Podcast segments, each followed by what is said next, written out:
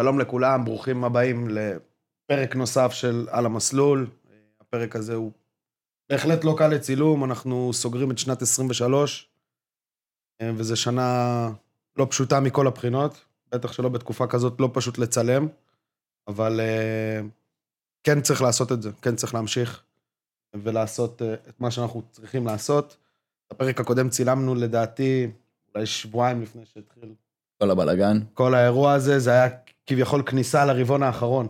כן. וכל מה שדיברנו לא רלוונטי בשום צורה שהיא. כן. אמ, אז אה, ננסה עם כמה שצריך להיות רגישים בתקופה הזאת, לסכם איכשהו את השנה הזאת, אה, ולראות אה, מה אנחנו הולכים לעשות הלאה, כי בסוף אין מה לעשות, החיים ממשיכים. must go on, בקיצור, אין מה לעשות. זהו, אז דורצ'יק, מה, מה היה לנו... בואו נתחיל לדבר רגע קצת על הרבעון האחרון, או לפחות מה, מה היה בשנה הזאת, מבחינת בנקים קודם כל.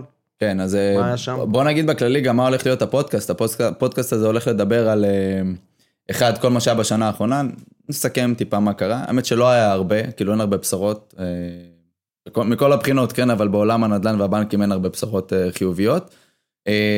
החלק השני טיפה ידבר על איך בכלל להתנהל בכלכלה במלחמה, שזה משהו שהולך ללוות אותנו, לדעתי, בשנה הקרובה, כל שנת 24. בווריאציות כאלה ואחרות, אבל כן הולכת להיות כלכלה במלחמה. והדבר האחרון זה מה, מה יקרה בעתיד, כי בשלב מסוים מלחמות מתישהו נגמרות, לא יודעים מתי אבל זה ייגמר, ובדרך כלל אחרי מלחמה בסדר גודל כזה מתחיל איזשהו שגשוג מאוד גדול במשק. אז אנחנו, מה שנקרא, נעשה לכם את שיטת הסנדוויץ', נדבר על דברים שהם כזה סבבה, בסדר, נכניס את כל הדברים שהם פחות טובים, ואז נסכם וננסה להוציא את זה לאיזושהי דרך חיובית יותר, כן. אז מה היה בשנה האחרונה? בנקים. טוב, אז הבנקים, בוא נגיד ש... כבר שנתיים לא קל פה מבחינה כלכלית, בטח שעם כל מה שקורה בעולם. אנחנו עוד, עוד לא סיימנו את הקורונה ואנחנו כבר ב... ב, ב אוקראינה במשבר, ורוסיה. במשבר אינפלציה, הבא. מלחמות, ואז... בדיוק, אז אינפלציה שלשמחתנו גם קצת מתחילה להירגע. כן. אבל בגדול הריביות כבר, דיברנו על זה לא פעם, אבל בשנתיים האחרונות הם כבר בעלייה מתמדת, כרגע אנחנו... זה די התייצב, זה התייצב כבר כמעט שנה אגב, הפסיק את ההעלאות, הוא כבר לדעתי כחצי שנה בערך לא עשה, לא העלה את הריבית. מדברים על זה שכנראה בתחילת 24 כבר תהיה הורדה ראשונה. נגיד שזה גם באמת מה שהמשק יצטרך. חייב לעורר את המשק, ועושים את זה על ידי הורדה של ריביות, אז זה הכלי שיש לך. כן, מעבר לזה שלאנשים לא קל עכשיו מבחינה אשראית. בסוף כדי להניע את הכלכלה, כדי שאנשים ייקחו כסף ויעשו מהלכים, הריבית תצטרך להיות טיפה יותר נמוכה. היום אנחנו מצלמים, בזמן שאנחנו מצלמים, הריבית היא 6.25 לריבית הפריים, שזה מטורף, זה, זה, זה משהו שמבינים שהכל השתנה. מה זה אומרת... מטורף? שמע, גם בוא, ביחס לארה"ב זה עדיין נמוך, אבל, נמוך. אבל בוא נגיד ביחס לישראלים, שגם ככה משלמים הרבה על דיור ודברים כאלה, אז הריבית הנמוכה זה פקטור משמעותי בשביל שתהיה בכלל יכולת לקנות פה נדל"ן. ואתה חושב אגב שהמחירים ירדו? זה קשה להקל. האמת שיש פה, פה שני כוחות שמושכים. אני חושב שכן, אתה יודע. אני חושב שהמחירים קצת ירדו. הם ירדו באזורים שבהם הם, הם אובר מנופחים, שזה בהרבה מקומות, אבל בוא נגיד שהם מבינים שתל אביב כל כך יקרה, שכנראה שם באמת יכול המחיר לרדת. אבל איך הוא ירד? כשאנשים פחות ילכו לתל אביב, וילכו למקומות אחרים, אז מה יקרה? תל אביב קצת תרד, אבל מקומות אחרים יעלו. נכון. שם הביקוש יגדל. בוא נגיד שגם בשנה האחרונה לא בנו מספיק, ואם אנחנו כבר מדברים על השילוב הזה בין בנקים לנדל"ן, אז רמי לא משווק מגרשים. עזוב, הוא משווק, אף אחד לא קונה. יש כן? קבלנים שפשוט זכו במכרזים והחזירו את הזכייה שלהם, כי הם... הרי מה, אתה, מה הקבלנים עשו, ואנשים לא מבינים את זה, כן? הם קנו מגרשים ביקר מראש, כי הם לקחו בחשבון שהמגרשים, נגיד לוקח שנתיים, שלוש שנים עד שהתוכנית תתממש, הם לקחו בחשבון שהמחירים יעלו עד אז, ושם יהיה הרווחיות שלהם. הם נכנסו, אגב, לעסקאות בהפסד. ואז שהשוק נתקע, והמחירים לא עולים יותר, אז הם uh, בבעיה. כן, ומרגישים את זה לא מעט קבלנים, יזמים. השנה הזאת... שמע, וזה... קבלנים מטורפים. כן, ו... וזה ככה, ומרגישים את זה, זאת אומרת, הלופ הזה התחיל איפשהו לפני שנתיים שהתחילו העלאות ריבית, ומי שלקח פתאום 70-80 מיליון שקל הלוואה לאיזה מגרש, פתאום הריבית מעלה לו בעשרות אלפי שקלים, לפעמים אפילו תלוי באיזה סכומים, אבל גם, גם ב-100 אלף שקל החזר חודשי יכול לעלות, נכון. שזה מטורף. אה, ומרגישים את זה, ופתאום הנה, גם קבלנים מאוד גדולים, גם יזמים מאוד גדולים, שיזמים כביכול הם פחות סיכון מקבלן. עדיין, לקחו הלוואות מזנין. אגב, אנשים לא יודעים, הרי בן אדם, ש... בן אדם, יש את המונח הזה, אדם פרטי, בסדר? אה, רכישה בלי הון עצמי, כאילו ב-100% הון עצמי. גם קבלנים ויזמים, אגב, זה אותו דבר. בעצם קוראים לה הלוואה משלימה של ההון העצמי, הלוואת מזנין. היא בעצם משלימה ומגשרת על ההון העצמי. אה, ואז בעצם אתה לוקח מימון מכל גוף שנותן לך, חברת ביטוח, אה, בנק, ווטאבר. עכשיו, בדרך כלל ההלוואות מזנין האלה הם ברמת סיכון גבוהה יותר, כי הם כאילו להון עצמי, ואז אה, אה, יש ממש הרבה מאוד קבלנים שמינפו את עצמם לדעת, לקחו, נכנסו לפרויקטים בלי הון עצמי בכלל, רק כי הריבית פשוט מאוד נמוכה. אה, אגב, אני חושב ש... ואני בדרך כלל לא מזכיר שמות, אבל לצורך העניין הדוגמה של חנן מור היא דוגמה קלאסית, וזה כבר התפרסם בחדשות חברה והכל. ענקית. חברה ענקית שבעצם עשתה הרבה דברים טובים אגב, צריך להגיד, אבל כל מה שצריך זה עסקה אחת לא טובה בשביל שמגדל קלפים אה, שלם אה, ייפול. ואם אתה לוקח אשראי בגובה של, לא יודע כמה זה היה, מיליארד שקל? לא יודע כמה הוא לקח, משהו כזה. אז קחו אשראי במיליארד שקל שהריבית שלו עולה ב-5% פתאום, ב-6%, תבינו מה זה עושה בעצם לשולי הרווח. הרבה יזמים וקבלנים נכנסו לעסקאות במצב כזה, ועכשיו אה, קבלנים, זה הסיבה שהם מחזירים את המכרזים, כי הרווחיות היא כמעט ולא קיימת. זאת אומרת, ריבית גבוהה אוכלת כמעט את כל השולי רווח והתקורה בתוך עסקה. עוד דבר שהיה לנו השנה זה כתוצאה מאותה ריבית גבוהה, יותר ויותר, בין אם זה יזמים, בין אם זה אנשים פרטיים, פשוט הולכים לחוץ-בנקאי, לגופים חוץ-בנקאיים. ובאמת בשנתיים האחרונות אנחנו רואים שגם המון גופים חדשים קמים, כל מי שיש לו כסף מבין שלמכור כסף זה, זה טוב, אה, או רווחי, אני לא יודע אם זה טוב. תיזהרו. מזה אגב, כאילו צריך לעשות את זה מאוד מאוד חכם, אם אתם צופים בזה ועכשיו אתם בדרך לקחת אה, כסף מחברה חוץ בנקאית, או ראיתם פרסומים על משכנתה בדרגה שנייה, זה יכול להיות כלי מדהים אם האנשים שמטפלים בכם יודעים בדיוק מה הם עושים, ויש להם גם דרך חילוץ מהדבר הזה, כי אם אתם נתקעים עם משכנתה כזאת שהיא דרגה שנייה בתנאים יקרים לאורך זמן, אה, סיימתם את הסיפור שלכם. מה זה סיימת? תמיד עדיף למכור את הבית ולהתחיל מחדש. לצערי, אבל זה, אנשים לא יקשיבו לך. גם אם אתה תגיד להם, תמכור את הבית, תתחיל מחדש, שהוא יגיד לך, סבבה, ואז ילך ליועץ אחר שיגיד לו, בוא, בוא נשמור על הבית, מה אתה תמכור את הבית, בלה בלה בלה. אה, ישראלים לא יודעים אה, לשחרר נכס. אומר לעומת ארצות "תמכור את הברית. הבית". כן, והם כועסים. בארצות הברית נגיד באמת, אתה לא. עומד בתשלומים, מוכר, ביי, נגמר. כאילו, אגב, יש גם בארצות הברית משהו שנקרא downgrade. תגיד לי, ישראלי שגר בדירת גן, תמכור את הבית שלך ותעבור לדירה קומה שנייה, שלושה חדרים. תגיד לו. אין דבר כזה. הוא לא יעשה את זה בחיים. ישראלים אין, אין downgrade, יש רק upgrade. וגם אם זה אשראי, אין- אין- הלוואות, אין- אין whatever. גם מקביל. אין, קנית למעלה. זה- זה מרצדס, חביבי, זה לא... כן. משהו שקפץ השבוע שבנק ישראל אולי מתכנן, אמ, זה לאפשר את מה שהוא אפשר בקורונה, או באופן חלקי לפחות. אז אה, אם אתם זוכרים, לפני שנתיים אפשר היה לקחת על בסיס הנכס הקיים, להגדיל בעצם את המשכנתה מעבר ל-50 אחוז, שזה הרגולציה הנוכחית אומרת, ובעצם לקחת הלוואה אה, לכל מטרה, לסגור התחייבויות. אז בנק ישראל יצא באיזושהי טיוטה, אנחנו נעדכן ברגע שנדע אם זה אמיתי ואיך קצת זה יקרה. מזכיר את מה שקרה בקורונה. אישרו קצת. עד 70 אחוז משווי הנכס בתנאי כל נכון, מטרה. ומאוד, הם, בנק ישראל מאוד הצטער על זה, מהסיבות הלא נכונות בעיניי. שזה כי מטומטם, כי הוא הוא בסוף ראה, דחף את הוא כל ראה האנשים לחוץ שהשתמשו בזה בנקאי. המון, אז הוא נלחץ. אבל זה הנתון שיש לו, כי אין לו את הנתון על החוץ בנקאי. זה בדיוק. אז הוא בעצם, הוא נלחץ מזה שלקחו המון כסף, אבל בפועל, זה שהוא ביטל את התקנה הזאת, גרם לאנשים לקחת כסף יקר הרבה יותר. יותר יקר. המון גופים קמו בכלל, כמו ש... נגיד אה, אה, ספוטיפיי. למה- בעיניי, למה הם קמו? כי ביוטיוב אי אפשר היה להוריד את היוטיוב ולהמשיך לשמוע, נכון. נכון? היית מוריד, גם, היום זה ככה. וואטסאפ, למה אז, קמו? אז, כולם, אז, כולם, אז. קמו, בדיוק, קמו כי אי אפשר היה לעשות את זה ככה. אז, אז בדיוק המון גופים קמים, כי פשוט אי אפשר לקחת את ההלוואה הזאת בבנק, ובעיניי, זה, זה פשוט, אין, אין לזה תקנה. זה טמטום. אין לזה תקנה, זה, זה, זה טיפשי. מה הבעיה לקחת עד 70 אחוז משווי הנכס בכל הבעיה? מטרה, באמת, אלוהים, מה הבעיה? באמת. כל עוד נגיד בנק המימון. ישראל, תשחרר את השטות הזאת כבר. זה- כל עוד אחוז המימון הוא לא 90, שזה ברור, אם ירדו המחירים, סכנה. 70 אחוז, אם זה דירתך. היחידה, כאילו. סתם, לא באמת. סתם, זה לגרום לאנשים, לקחת סתם אשראי אולי יקר. זה חלק מהקונספציה, אני יודע, אולי זה חלק מה... לגרום לאנשים שיהיה אנחנו להם חיים יותר קשה. במטריקס, אחי. זה באמת מרגיש ככה. אה, אז אה, אה, כן, אז בגדול ריביות לא... יש מקום לאופטימיות אגב, מתחילים להרגיש טיפה זה, אנחנו ניגע בזה בסוף הפודקאסט, יש מקום לכיוון של הורדת ריביות. אגב, אני חושב ששוק, אם אני מדבר רגע על נדל"ן עוד פעם ואני חוזר לזה, שוק, בוא נחלק את זה לשווקים, בסדר, שוק הנדל"ן יד שנייה קפוא, מת. כן. אה, מתווכים שאוחרים על השוק אנשים לא הזה. מוכרים גם. לא, ריביות יקרות. עכשיו, אם אני צריך לקנות בית ב-4 מיליון שקל, אני צריך להשכיב 1.5 מיליון הון עצמי, 2.5 מיליון משכנתה. בואנה, פעם הייתי משלם על 2.5 מיליון משכנתה, הייתי יכול להגיע ל... תשע, כן. שמונה. תשע, שמונה. אתה אומר, וואלה, סבבה. במקום שכירות, תענוג. היום היום 12, 2.5, 13. אני משלם 12, 13, וואטאבר, זה כבר אה, משמעותי, ואנשים עושים את החישוב, אומרים, לא שווה לי, מה כן הם נכנסים, מי שכן קונה. נראה מקבלן, אומרים, אני שם עכשיו down payment 10, 20 אחוז, 80 אחוז דבר איתי עוד שנתיים, שלוש שנים, עד אז הריביות ירדו, עד אז אני אפתח עסק, אני עצמאי, אני אה. כבר אהיה עשיר. אה, כמו כל העצמאים במדינת ישראל, שכולנו עשירים, וכל העצמאים פה עושים מלא כסף. זה אה, משהו שחייב להיזהר ממנו.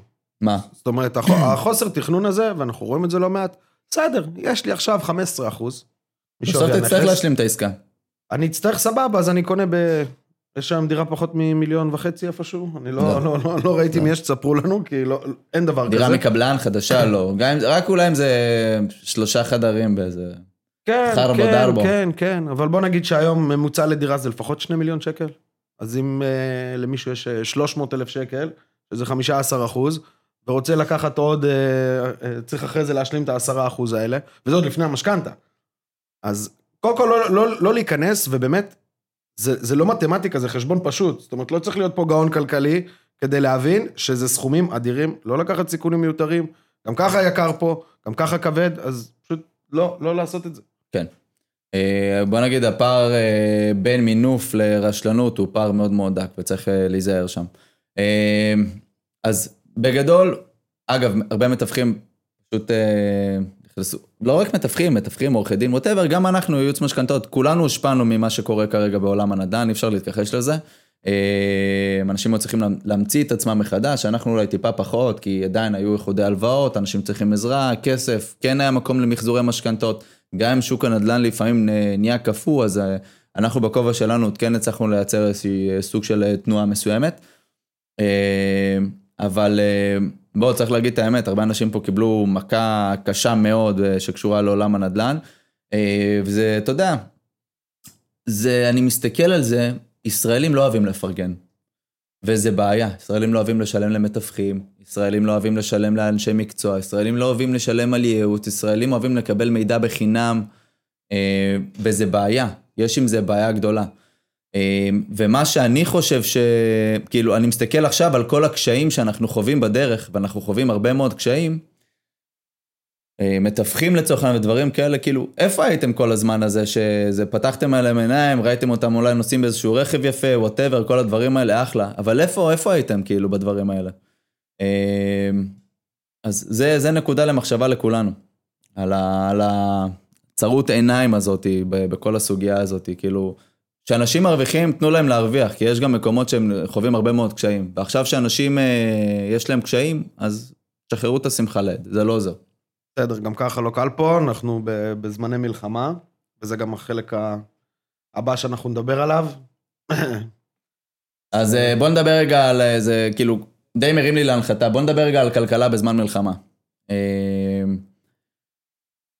בוא נדבר רגע על העולם הזה של אה, בכלל להיות עצמאי, בסדר? כי זה כזה קצת מרים לי להנחתה, כי אני, הכמות מנטורים בחוץ היום שמדברים על אה, להיות עצמאי ולהיות שכיר, והם על הדרך נותנים לך טיפים בזוגיות, ו, ואיך לצאת עם בחור, ווואו, זה כאילו לא, לא, המסת כ- מידע, כמות אני ההמלצות. כבר... המוח שלי זה באמת, ואתה כבר לא יודע אם זה, אם מסתלבטים עליך או רציניים, או כאילו יש את המשפט הזה שאומר אין דבר כזה פרסום רע, ואני כאילו יש. לא כל כך, מס, כל כך לא מסכים עם דבר הדבר כזה. הזה. מה, אין אין לי שום אינטרס שכל המדינה תדע שאני מטומטם, כאילו, אני לא יודע, אני יכול בקלות לצאת מטומטם ושכל המדינה תדע את זה, אבל לא, לא, לא מוצא את הערך. אה, גאון שיווקי. אני גאון שיווקי. להתבזות זה לא זה לא נקרא לא נקרא ככה. להיות. אגב, לבנת, מסי נעלב ממך, הוא שכיר. מסי נעלב. יש הרבה אנשים שכירים, אה, ואין עם זה שום בעיה, להפך, אגב, אני מכיר הרבה מאוד שכירים שעושים הרבה מאוד כסף, הרבה, הרבה, הרבה מאוד כסף, אוקיי? אה, יש לי, אני- אפילו בנקאית אני מכיר, ואנשים בבנקים שמרוויחים הרבה מאוד כסף בתור שכירים, בסדר? אז כולנו צריכים קצת צניעות, ו- ו- וזה חסר לנו לדעתי ב- ביום-יום. אז בוא נדבר רגע על ה- על ה- זה. תראה, זה נכון שלעצמאי, לכאורה, כן, אין תקרה, בסדר? הבעיה, שגם שגם אין לו. רצפה. בדיוק. בסדר? וכשהוא נופל, הוא נופל. ומה שלא מדברים על זה, ש-90% מהעצמאים בסוף יסיימו עם חובות. עובדה, כמה, לא זוכר מה הנתון של הלשכה המרכזית לסטטיסטיקה על כמות משהו, העסקים נפתחים שנסגרים 50 בישראל. אלף בשנה, נסגרים 42 או 40, נסגרים מדהים. 80 אחוז. זה רק בשנה הראשונה, כן? אה, כן, בשנה הראשונה. ועד תוך שלוש שנים גם השמונה... גם, גם לזה יש עוד... גם לזה יש איזה. אה, אז אם אני מחלק את זה מתוך ה-100% ואני נותן מספרים שהם לא, לא מדויקים, כן, אבל מה- מההרגשה האישית שלי, אז בוא נגיד מתוך ה-100%, אה, 95% לא עושים כסף.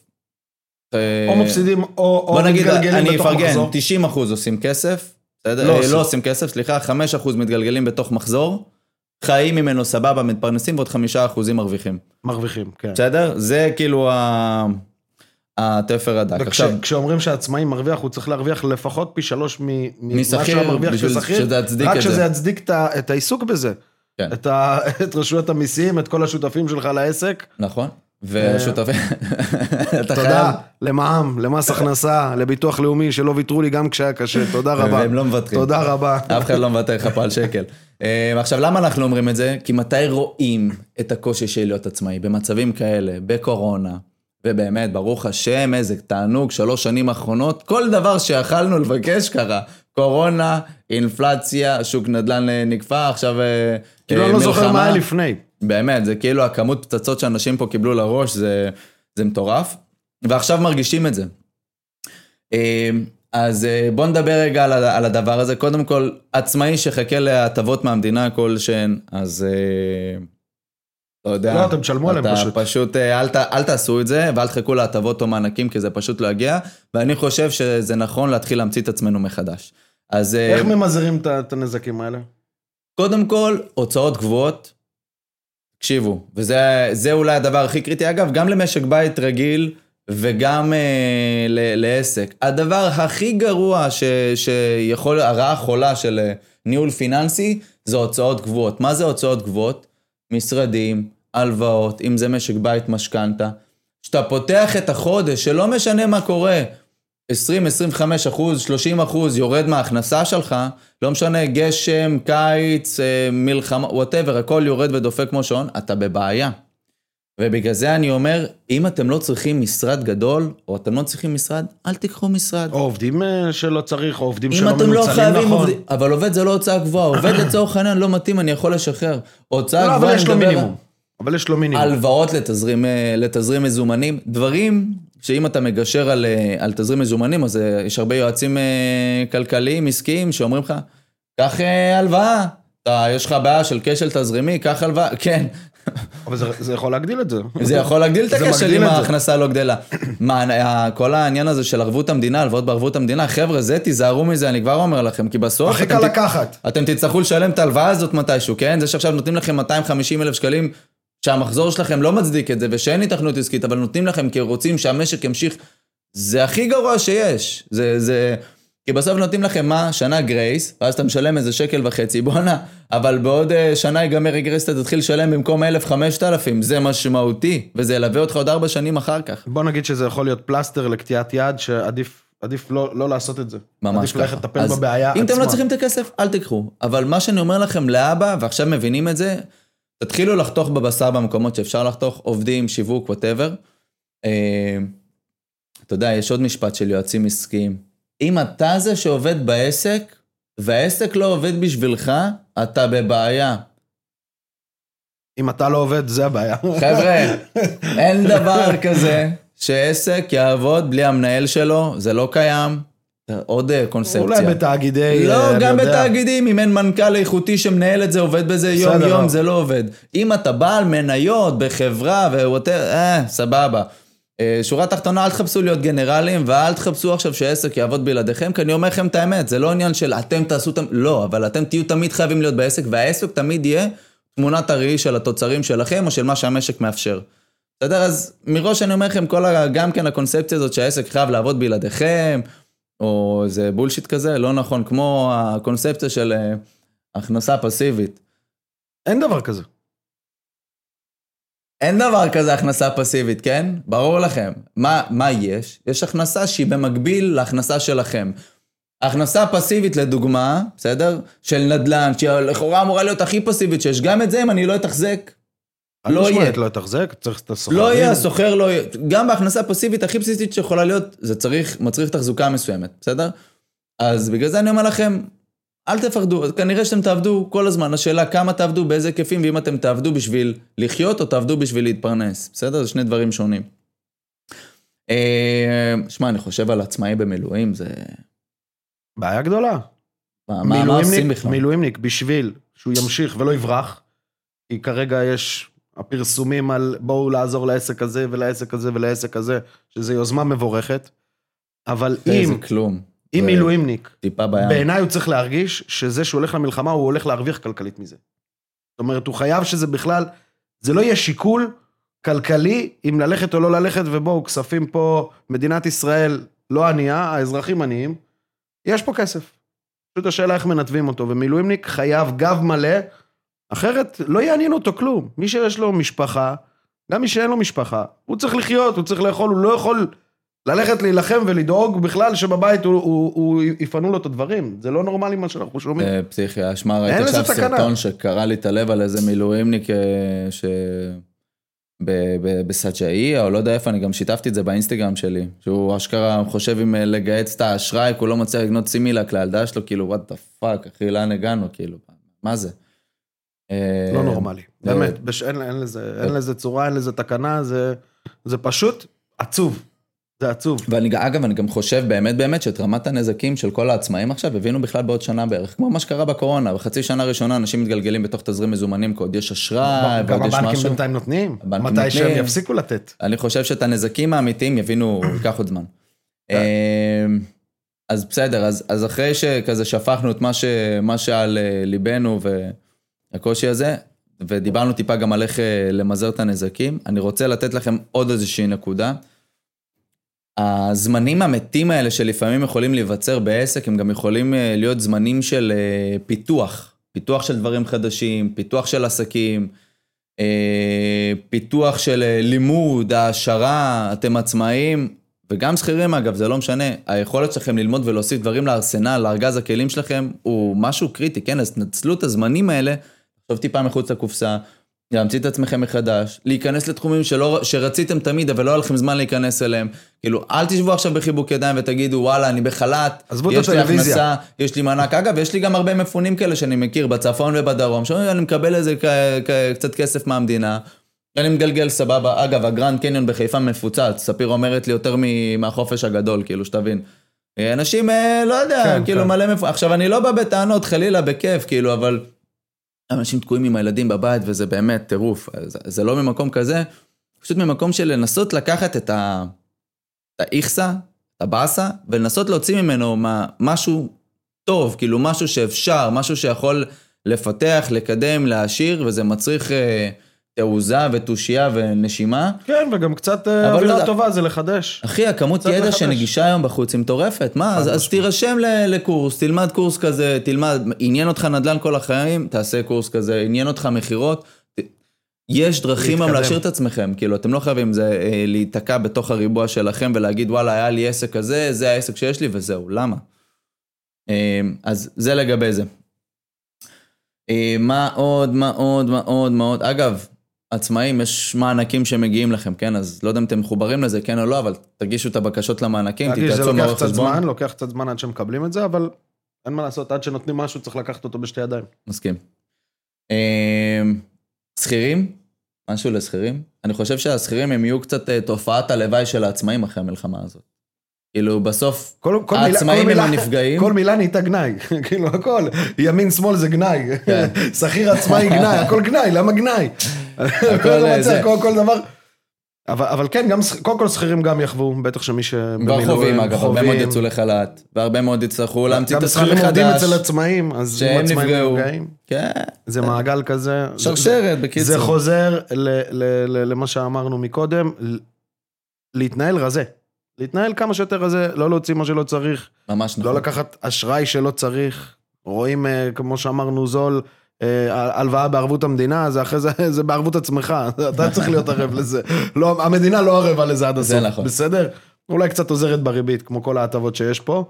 אה, אז פשוט כולם צריכים להיות כרגע, לשנס מותניים, אה, ולראות אולי איך, כמו שאמרנו, לוקחים את הלימון הזה ובאמת עושים ממנו לימונדה, אולי קצת איכשהו לשפר את המצב האישי, הכלכלי, המשפחתי. אגב, ניהול של עסק וניהול של משק בית, כלכלית זה אותו דבר, כן? בשניהם אתה. צריך לעשות את זה עם אקסל, שניהם אתה צריך להיות מחושב, שניהם כמובן הוצאות, הכנסות, ווטאבר, אבל בשניהם הנקודה, אה, למה אני תמיד אומר שקנייה של בית, דירת מגורים לבן אדם בתחילת החיים שלו, זה אולי הטעות הכלכלית הכי גדולה שבן אדם עושה, ואני אומר את זה בתור בן אדם שהכובע שלו זה יועץ משכנתאות, אחד הכובעים שלו. כי ההוצאה הקבועה שזה מפיל על משק בית, היא לפחות 35% מההכנסה של משק בית היום, במיוחד עם הריביות הגבוהות והמשכנתאות וזה, וזה גם מגיע ל-40%, תוסיף עוד איזה הלוואה לרכב, אתה כבר בחצי מההכנסה שלך, פתחת את החודש, הולך לך על אה, משכנתה, הלוואה לרכב, אם יש לך ילדים קטנים, עוד איזה 3,000 שקל לילד הולך לך על גנים, אתה כאילו, אתה... עכשיו, בגלל זה אני אומר לכם, תנסו ל- לשבור את הדבר הזה בישראל יותר מכל מקום אחר בעולם, בגלל שהתשואה פה היא מחורבנת לאנשים שמחזיקים דירות. הרי אם אני מחזיק דירה, אני, מש... אני מקבל בסך הכל איזה 2-3 אחוז במקרה הטוב על הדירה שלי מבחינת התשואה. אז תשתמשו בזה, בישראל הכי נכון לגור בשכירות, לא נכון לגור במגורים, כי בעצם הרי תשואה וריבית זה אותו דבר, נכון? באמת? אין הבדל. למישהו זה ה- תשואה, למישהו זה ריבית. למישהו זה, בדיוק. אני, הריבית שאני משלם לבנק, בסדר, שזה יורד מהכיס שלי, זה התשואה של הבנק, נכון? אם אני משלם 5% ריבית, זה הבנק מרוויח 5% תשואה, בסדר? זה בגדול, אוקיי? ככה זה עובד. עכשיו, שאני יכול לשלם 2% על דירה אה, בשכירות למשכיר, מה אכפת לי? כאילו, להפך, אני רוצה לשלם את זה. זה הכי טוב שיש, אני מכיר אנשים שגרים בבית של 4 מיליון ו-5 מיליון, מה, אני, אני כמעט, זה מספרים מזעתיים. שבע, שמונה. משלם 7. כאילו ברמה שהבן אדם שקנה את הבית הוא משלם 10,000 משכנתה, ומי שגר בה משלם שבע. והוא שם עוד איזה 1.5-2 מיליון שקל הון עצמי בשביל לקנות את הבית הזה, ואחרי הכל הוא משלם גם 10,000 משכנתה, והוא מקבל שכירות 7,000, אז הוא גם בתזרים שלילי, גם דחף איזה 1.5 מיליון שקל לתוך הקירות. כאילו, מה? ויכלתי פשוט לגור בבית הזה ב-7,000 שקל ולקחת 1.5 מיליון שקל שיש לי במקום לתקוע אותם בקירות. יכלתי לעשות איתם כל כך הרבה כסף. נכון, אז, כי הת- אז התוכנית מתבססת, סליחה, התוכנית אבל אה, של רוב האנשים מתבססת על זה שהנכס תמיד עולה. השנה ראינו שזה לא תמיד עולה. וזה בסדר אגב שזה לא תמיד יעלה, אני לא רוצה גם שמחירי הנדל"ן תמיד יעלו, כי זה אז לזה בועה. זה. תקין, זה בסדר שמחירי הנדל"ן יעצרו טיפה, זה בסדר. מה זה בסדר? זה בסדר מאוד. אם אנחנו... אנחנו נקרעים בין שני... בין שני צדדים. האחד זה להצליח לקנות, ולקנות כמה שיותר, שהמחיר יעלה. מצד שני, מה הילדים שלנו יעשו? חלק לשתיים, אם יש לך דירה אתה רוצה שהמחיר יעלה, אם אין לך דירה אתה רוצה שהמחיר ירד. וזה בסדר, כאילו ככה העולם עובד, זה בסדר, אני כאילו מקבל את זה. אה, ועדיין אני אומר לכם, ההוצאות הגבוהות, המשכנתה הזאת של הדירת מגורים, ואני אנסה, מתי שאני יכול בשיחה הראשונית עם לקוח שבא אליי למשכנתה, אומר, בא לי לקנות דירה בוואטאבר, אני מנסה לפתוח לו את הראש ולקחת אותו, אולי לא דירה, בעד- בעדינות, כי אני יודע שזו נקודה רגישה ובן אדם יכול להתבאס עליי, כאילו, בקטע של, כאילו, למה אני מוריד אותו מהחלום של החיים שלו, אבל זה לא ממקום כזה. קח לדוגמה את החבר'ה של המחיר למשתכן, עוד פעם נחזור לזה, כאילו, כמו... כמה אנשים קנו ב...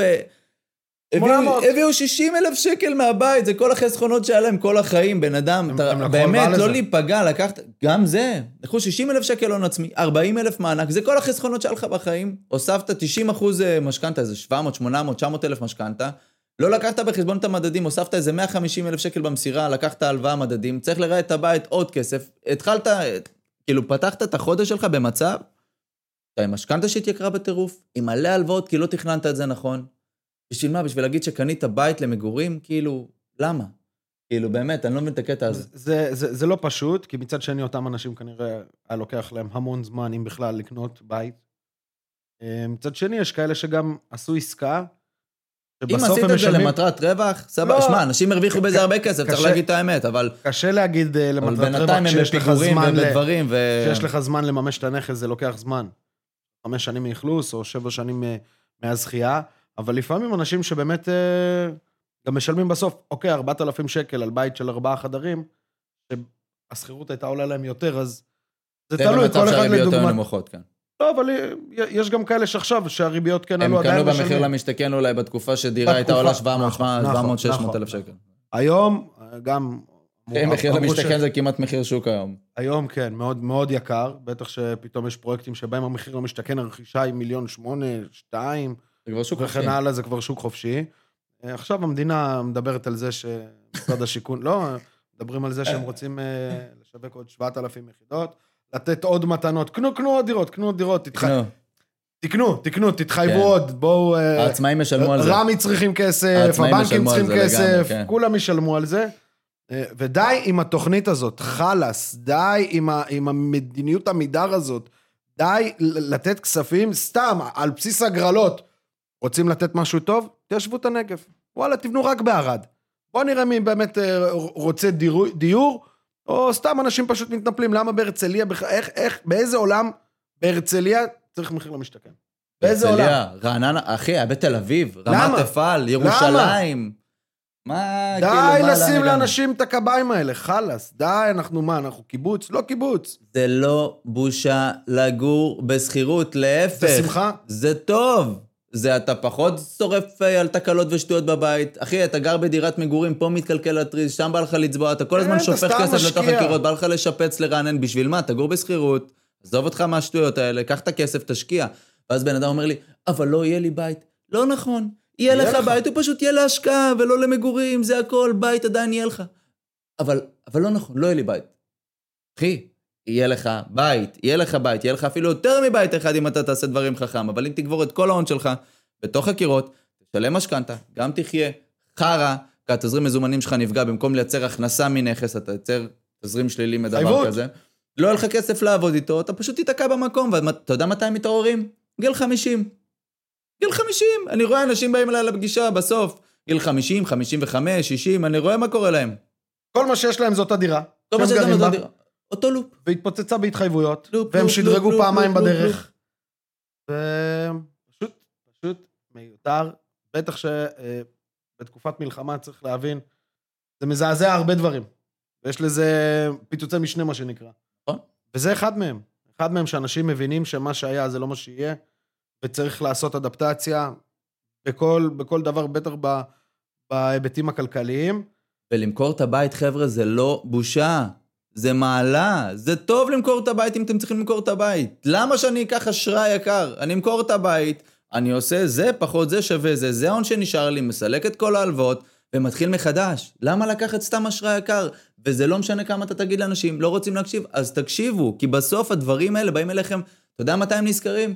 שכל הדוחות שלהם מתחילים להיות אדום, אדום, אדום, אדום, פיגור, פיגור, עקם, מאוחר פיגור, מדי. ואז זה מאוחר מדי, ואז כבר אתם שרופים בבנקים שלוש שנים, וגם אם ייתנו לכם אשראי, ייתנו לכם אשראי חרא. כי אתם נראים שאתם מתנהלים לא תקין, והם צודקים, כי זה האשראי שמגיע לכם, כי אתם לא יודעים להתנהל. אז בגלל זה אני אומר לכם, תקדימו תרופה למכה, אפשר. אל תעצמו עיניים, אל תהיו ככה, אני לא פותח את העובר ושב בראשון לחודש, זה לא עובד. ת- תתמודדו עם המציאות. חשבון, שוב, זה לא מתמטיקה, לא צריך להיות גאון. אם בחודש אחד אתה במינוס 10, ובתחילת חודש הבא אתה במינוס 12, ויש לך מסגרת 20, אז יש לך עוד אה, חמישה, ארבעה חודשים. אין, אין. אין עוד זמן, אין זמן. לא לחכות ולא להעמיס עוד אשראי כשאתה בבעיה. פשוט מחלה, זה באמת מחלה. זה גם חבר'ה, גובל downgrade באישיות. זה לא בושה, חבר'ה, downgrade זה מעלה. באמת אני אומר לכם, להגיד, וואלה, גדול עליי מה שעשיתי, לא מתאים לי, בוא נתחיל מחדש. נכנסתי פה לתזרים שלילי, בין אם זה בגללי, בין אם זה לא בגללי, סבבה, קורה. תמכרו את הבית, קבלו את ההון, תתחילו דף חדש, מספיק עם הפלסטר הזה לנסות לשמור על הבית בכל צורה אפשרית. די, באמת. אה, בואו נמשיך. יאללה, מה, מתישהו זה... יאללה, הגענו לחלק החיובי, עשינו להם הרבה סנדוויץ' כזה, ליטפנו בהתחלה, ואז הרבה- שברנו להם את הראש פה הרבה איזה אירוע רבע שעה, באמצע. הרבה אירוע, הרבה דברים רעים. בואו נסיים רגע בטוב. ההיסטוריה. אומרת, ההיסטוריה אומרת, שאחרי מלחמות כאלה, או אחרי מצבים כאלה, מתחילה תקופה של שגשוג וצמיחה ופרספריטי. וילודה. וילודה ובייבי בום, ואללה ירחמו, מה שנקרא, לפתוח עכשיו גן ילדים זה עסק טוב. זה עסק שבאמת אה, הוא עסק טוב, עסק הוא טוב. יציב. בקיצור, ההורים ישלמו לגן ילדים לפני שהם ישלמו את המשכנתה, שתדע. העיקר שהילד יהיה בגן. בקיצור, אז קשה לדעת מתי, אבל זה ייגמר. וכשזה ייגמר, אנחנו רוצים להיות מוכנים ולעשות אולי פעולות מסוימות שיגרמו לזה שכשזה ייגמר אנחנו נרוויח מזה שיש שגשוג, ולא עכשיו נחכה שיתחיל השגשוג, אלא נשקיע לפני שמתחיל השגשוג, שזה מה שמשקיע חכם עושה, הוא בעצם מייצר איזושהי פעולה של השקעה כלשהי בתקופה של פחד. בסדר שמשברים, זה לא סיסמה, הם באמת יוצרים הזדמנויות. אה, אז לדעתי לפחות יורידו ריביות, כן? בואו, זה לא... ריבית חייבת לרדת.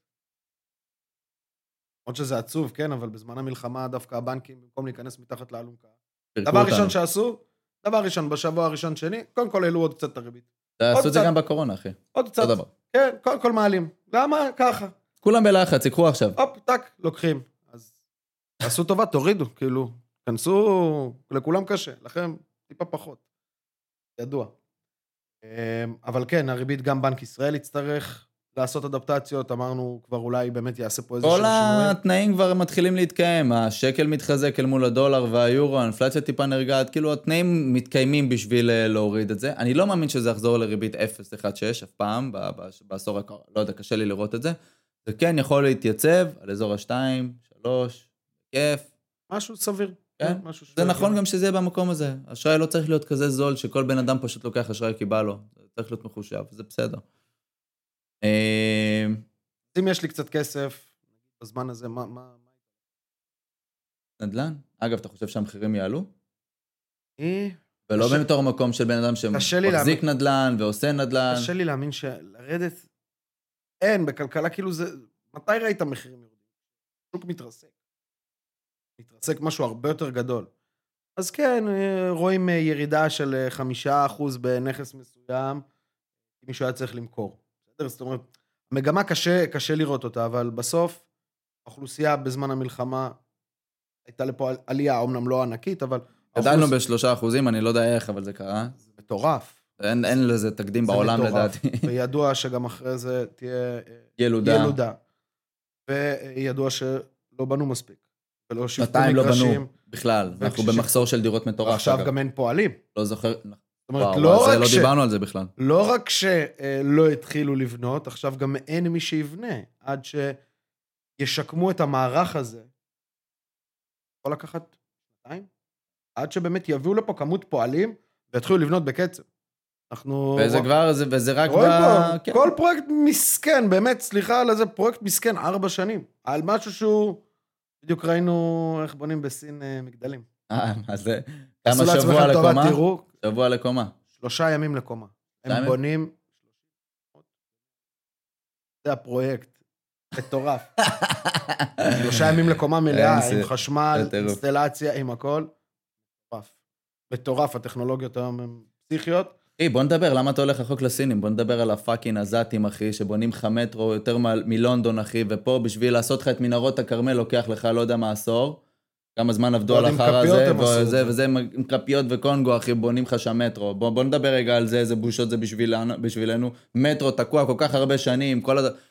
היי, תגיד, מה הבעיה לעשות? באמת, כאילו, זה לא קשור. מנהריה לאשקלון, במקום שהרכבת תהיה להם, מה הבעיה לעשות מתחת למטרו אחד ארוך, כאילו? עשו את זה בארצות הברית לפני 150 שנה. אה, באמת? לפני 150 שנה? סוף, אה, סוף המאה ה-19. באמת? כן, 1800 ומשהו. לונדון. בנו את המטרו ברוסיה. ברור, מה, זה, זה כאילו בסיסית, מתי עשו את זה? לא חבל, שלא אתה- הייתה טכנולוגיה. אחי, לא הייתה את הנדלן על הטכנולוגיה הים. בחיפה עם רכבת, כאילו, what the fuck, נדלן על הים, הדבר הכי יקר שיש עם רכבת עליו, כאילו, תעשו את זה באמת, מתחת לאדמה, חיפה זה כאילו, שערורייה. מה זה? מה זה זה השטויות. האלה? שערורייה, לשים רכבת שעוברת על כל קו החוף. תביאו עזתים, כפותים, שיחפרו את המנהרה הזאת, בחייאת תיזהר, רבאק. תיזהר, אחי, עוד מישהו עוד יצעק עליך שאתה אני מה? שאתה רשע. לא, עכשיו כולם בעדנו, זה בסדר. כן, אבל אנחנו רואים. אפילו קניה בתוך ווסט ה- העלה איזה פוסט, אחי, גם הוא בעדנו, אחי, כולם פרצו לו. פרצו לו. לא. פרצו לו למוח, אחי.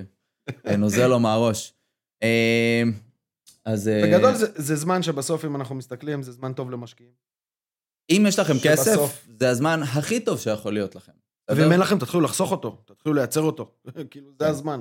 אבל אה, בוא נגיד ככה, אם אני עכשיו עם כסף פנוי, קל, או דירה מקבלן, או איזה מגרש. כן, דירה כאילו, מקבלן, למצוא איזשהו פרויקט שהוא עוד בתמחור יחסית בינוני, כי הכל היום באמת לא זול, אבל פטור ממדד, כמה שפחות לשים הון עצמי, לא, לא, לא להיכנס גם לעסקה שאין לכם בסוף את ההון העצמי.